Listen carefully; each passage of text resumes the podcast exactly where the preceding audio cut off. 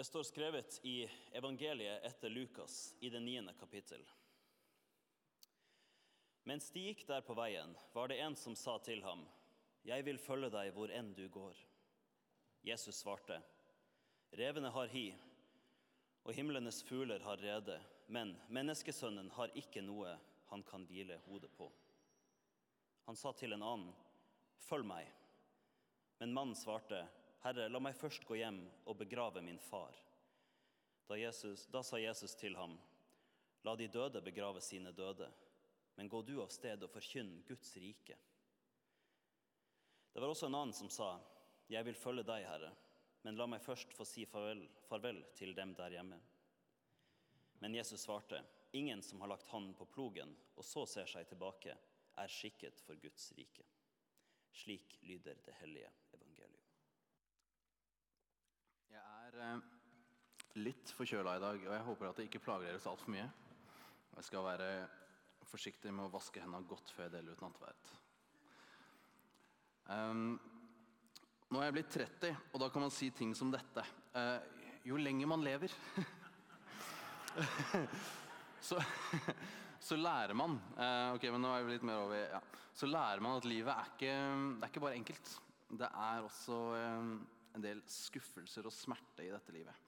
Og for nordmenn som er eh, fotballinteressert, så har veldig mye av den lidelsen sammenheng med det norske herrelandslaget.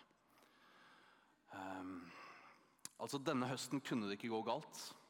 Vi kunne tape en kamp og fremdeles vinne gruppa i Nations League. Og så tapte vi begge kampene. Hæ? Sånn måtte det gå. Og Jeg lovte meg selv å aldri få troa igjen på det norske landslaget. Det har vært for mange skuffelser. Um, og så var det trekning av kvalikgruppe. Og vi får den lette gruppa. Så nå skal vi til EM, folkens. og det blir dritbra. Jeg er kjempegira. Um, det er fascinerende med fotball. Det er liksom de høyeste toppene og de dypeste dalene. Og Jeg tenkte jeg skulle bruke fotball som en slags utgangspunkt for å snakke om den litt krevende teksten som vi leste i dag. Uh, så da tok jeg med denne for å bygge litt uh, troverdighet rundt min kompetanse og faglighet når det kommer til fotball. Denne eh, vant jeg for deltakelse i Gulf-cupen 2002. Um, og altså Det var fint å være barn, altså. Da gikk jeg rundt, og så var jeg så sinnssykt glad for den her. Pokal for deltakelse. Hm.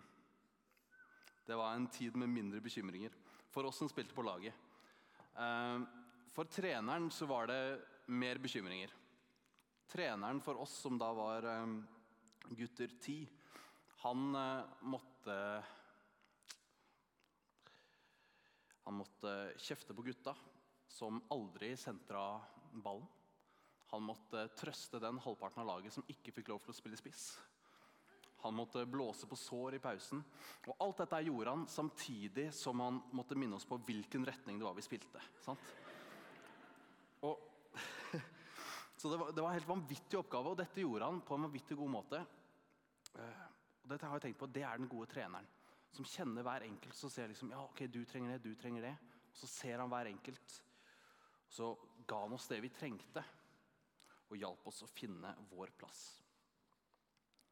I dag møter Jesus tre menn. De vil inn på laget. Jeg vil følge deg hvor enn du går, sier en av dem. Men Jesus møter dem med knallharde ord om hvordan det å følge han, altså det, det vil kreve alt. La de døde begrave sine døde.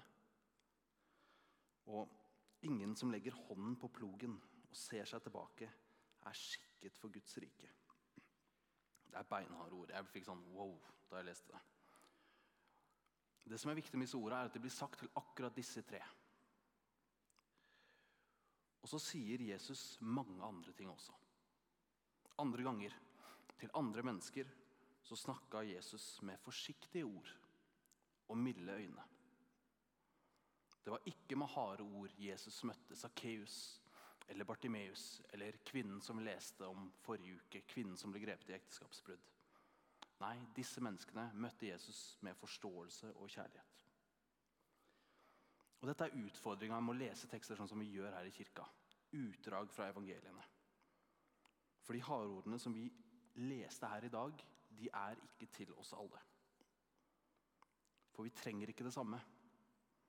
Og det vet den gode treneren, eller den gode hyrde, eller hva du måtte ha lyst til å kalle han. Jesus kjenner hver enkelt. Han vet hva vi trenger å høre, så vi finner vår plass på laget. Om du kjenner på tvil på om du er god nok for Gud, eller tenker på Gud som en som først og fremst liksom stiller krav, eller du sliter med å elske deg selv, så vil jeg si ja, dagens tekst den er ikke først og fremst til deg. For det vi hørte i dag, det er en slags streng pauseprat. Gitt til noen som vil være med på laget, og som skryter høyt av det. Og så har de samtidig noen veldig gode unnskyldninger på hvorfor det passer litt dårlig når det først gjelder. Jeg tror det er derfor ordene blir så harde. Fordi Jesus vet hvem han snakker til. Han vet at de trenger å røskes litt i. Og han vet hva som trengs av overdrivelser for å komme dit. Jeg tror aldri det å begrave sin døde far vil komme i konflikt med å følge Jesus. La meg bare si det klart. Jeg tror ikke Jesus ville kreve det av noen, og hvis han krevde det, så si, det er skikkelig drittsekk-move. ass. Ja, men det er jo det. Jeg tror Jesus her provoserer og utfordrer fordi disse folka trenger det. Jesus er her treneren som liksom samler gjengen rundt seg. I pausen så er det sånn Vil vi egentlig dette her? Hallo, vil dere dette? Er dere klare for å gå ut dit og gi jernet i andre omgang? Kan dere stå i dette, også når det koster? Det er ord som er sagt til spissen, som tror han klarer seg uten resten av laget. Det er ord som er sagt til forsvarerne, som kanskje har sluppet inn et mål, og så pga. den ene feilen så har de mista troa på alt. Det er ord som er sagt til noen som sitter oppe på tribunen, og som snakker høyt om hvor mye bedre de kunne spilt. Har de det ikke som jobb, de der nede og spiller fotball? Jeg kunne klart det mye bedre selv. Ja, kom ned på banen og spill. Personlig så kjenner jeg meg truffa. Kjenner jeg meg truffet, kanskje spesielt av dette her med tilskuermentalitet. Tilskueren følger med, observerer, mener ting, men alltid på trygg avstand. Gjerne fra komforten av en egen trygg sofa. Trygg fra å bli involvert selv med eget liv og følelser. Og alltid klar til å bytte kanal hvis det skulle dukke opp noe litt mer spennende. Tilskuermentaliteten, eller den herre maybe attending-mentaliteten, hvor vi slipper å forplikte oss, hvor vi holder mulighetene åpne. Jeg tror den kan prege mange av oss i mange ting. I alt fra de store tingene som valg av hva vi skal studere eller jobbe med, eller hvem vi skal ha helt nær oss i de nære relasjonene. Og så kan det prege oss i de mindre tingene som liksom, ja, skal jeg dra på den festen der? Blir det en fet plass å være? Eller det kirkefellesskapet der, er det noe for meg? Jeg tror vi er mange som er der i mange deler av livet, i den herre maybe attending-gjengen. Dette ser spennende ut, men jeg ser det litt an. Og Vi vet jo hva som skal til for at det blir bra. sant? Det er at noen folk sier 'Yes! Dette går jeg for'. Yes! Dette velger vi. Dette satser vi på. Vi gjør det bra. Presten og filosofen Søren Kirkegård snakka om noe av dette. Han tegna opp ulike måter å leve livet på. Han snakka om etikeren, han snakka om estetikeren, han snakka om den religiøse. Og Han hadde noen klare tanker om hva som var liksom den beste måten å leve på. Men han sa det viktigste er ikke hva du velger, men at du velger noe. For det er ved valget at du blir til. Kirkegård sa å våge er å miste fotfestet en liten stund. Å ikke våge er å miste seg selv. Derfor er det spennende det at noen litt spisse tunger har kalt vår generasjon en Netflix-generasjon. Gode på se på ting fra komforten av egen sofa uten å involvere seg. Og Da er det kanskje også mye lettere å la en ekstra episode gå på enn å gå opp av sofaen og trå ut i livet og risikere noe ubehag. Men livet er ikke bare komfortabelt. Det minner Jesus oss på i dag. Livet er også planer som gikk i vasken. Relasjoner som gikk i stykker. Dager hvor du ikke har lyst til å stå opp av senga. Og det gjelder oss alle. Fordi dette livet det lar seg ikke kontrollere. Uansett hvor mye vi skulle ha lyst til det. Og vi lever i en tid hvor vi kanskje har glemt akkurat det. Lev enklere. Slik lykkes du. Skrikes det ut i overskrifter og instaposter. I en slags protest så skrev teologen og presten Åste Dokka boka 'Leve vanskeligere'. For livet er noen ganger vanskelig. Om du vil leve livet, så bør du helst innse det. Den som vil leve et enkelt liv, står i fare for å ikke leve i det hele tatt.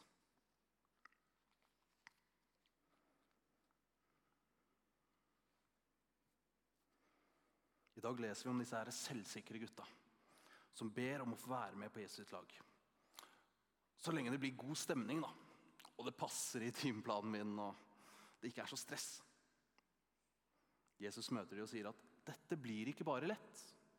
Dette krever at dere forplikter dere, at dere velger å følge meg også når det koster dere noe. Kanskje er denne strenge pausepraten noe vi trenger å høre i dag, vi som kjenner oss litt igjen i denne tilskuermentaliteten. Vi som eh, Eller de som, som meg, kjenner seg igjen i Netflix og Maybe Attending-folka. Jeg tror det kan være kloke ord. For i en menighet, i Jesu kropp, så finnes det ikke tilskuere. Jeg er ikke en performer her, her oppe, og dere publikum der nede. Vi er kirke. Vi er et fellesskap med ulike roller som bygger, skaper, søker Guds rike. Og hodet for kroppen, dette fellesskapet, det er Jesus Kristus. Du kan altså ikke sitte på sidelinjen og liksom sjekke på maybe attending. Du må være med å skape det. For fellesskapet her det bygges av hver enkelt av oss hver gang vi møtes. Hver gang vi kommer sammen. Og det kommer ikke alltid til å være lett. Vi kommer ikke alltid til å digge salmevalget eller alle folka som vi havner på quizbord med. Det vil ikke alltid være lett å stå opp om morgenen og være den kjærligheten som verden trenger. Det vil friste å velge det som er lett, framfor det som er rett.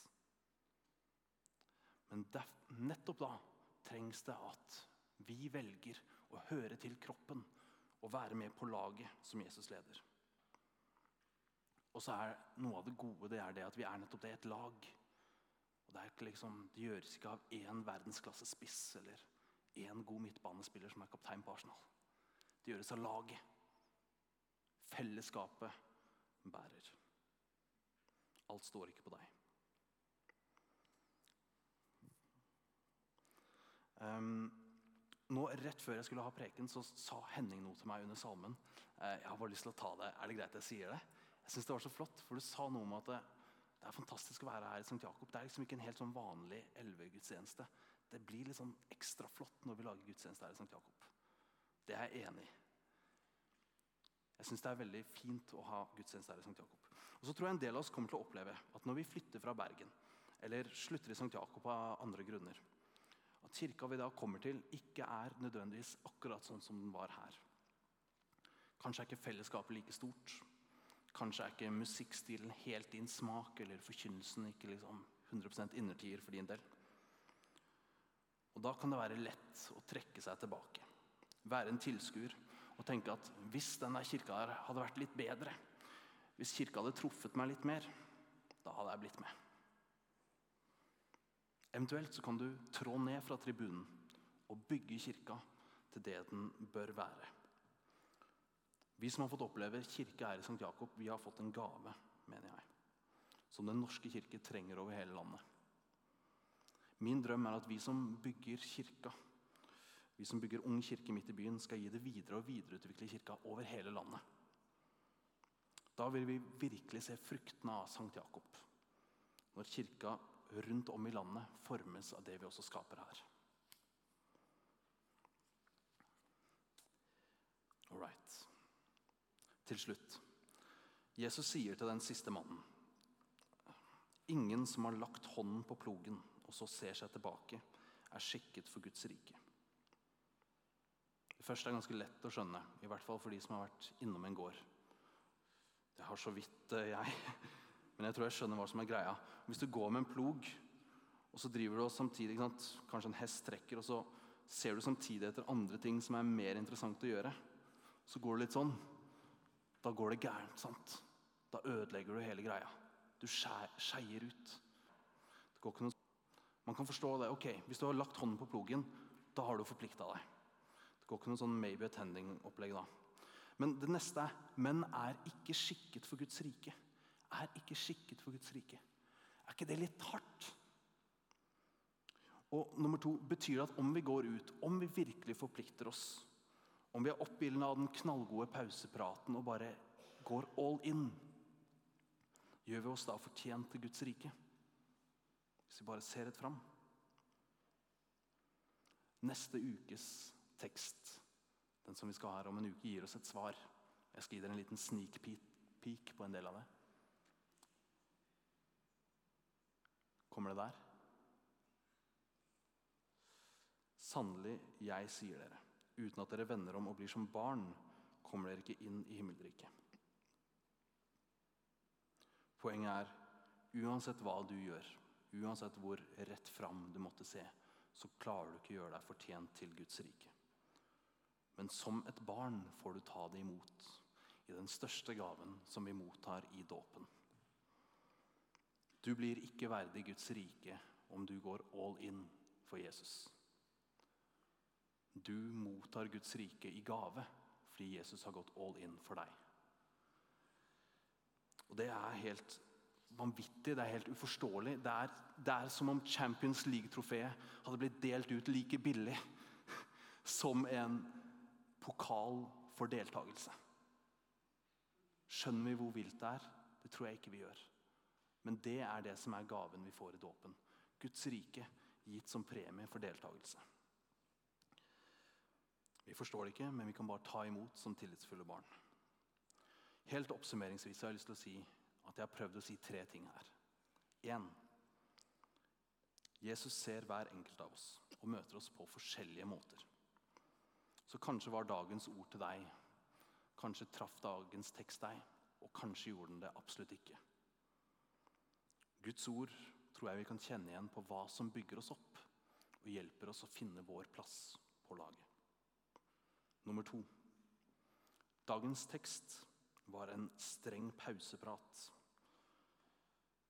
til de av oss som holder livet på en armlengdes avstand og jakter det friksjonsfrie livet. Jesus utfordrer oss. Følg meg. Velg livet. Våg å leve også når det koster noe.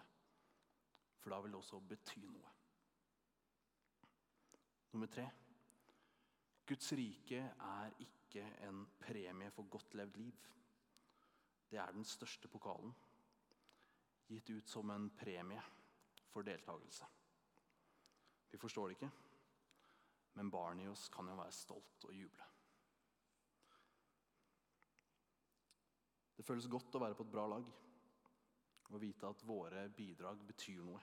At Jesus har en rolle til hver enkelt av oss. Så trå ned fra tribunen, reis deg opp fra sofaen. Og våg det vanskelige og vakre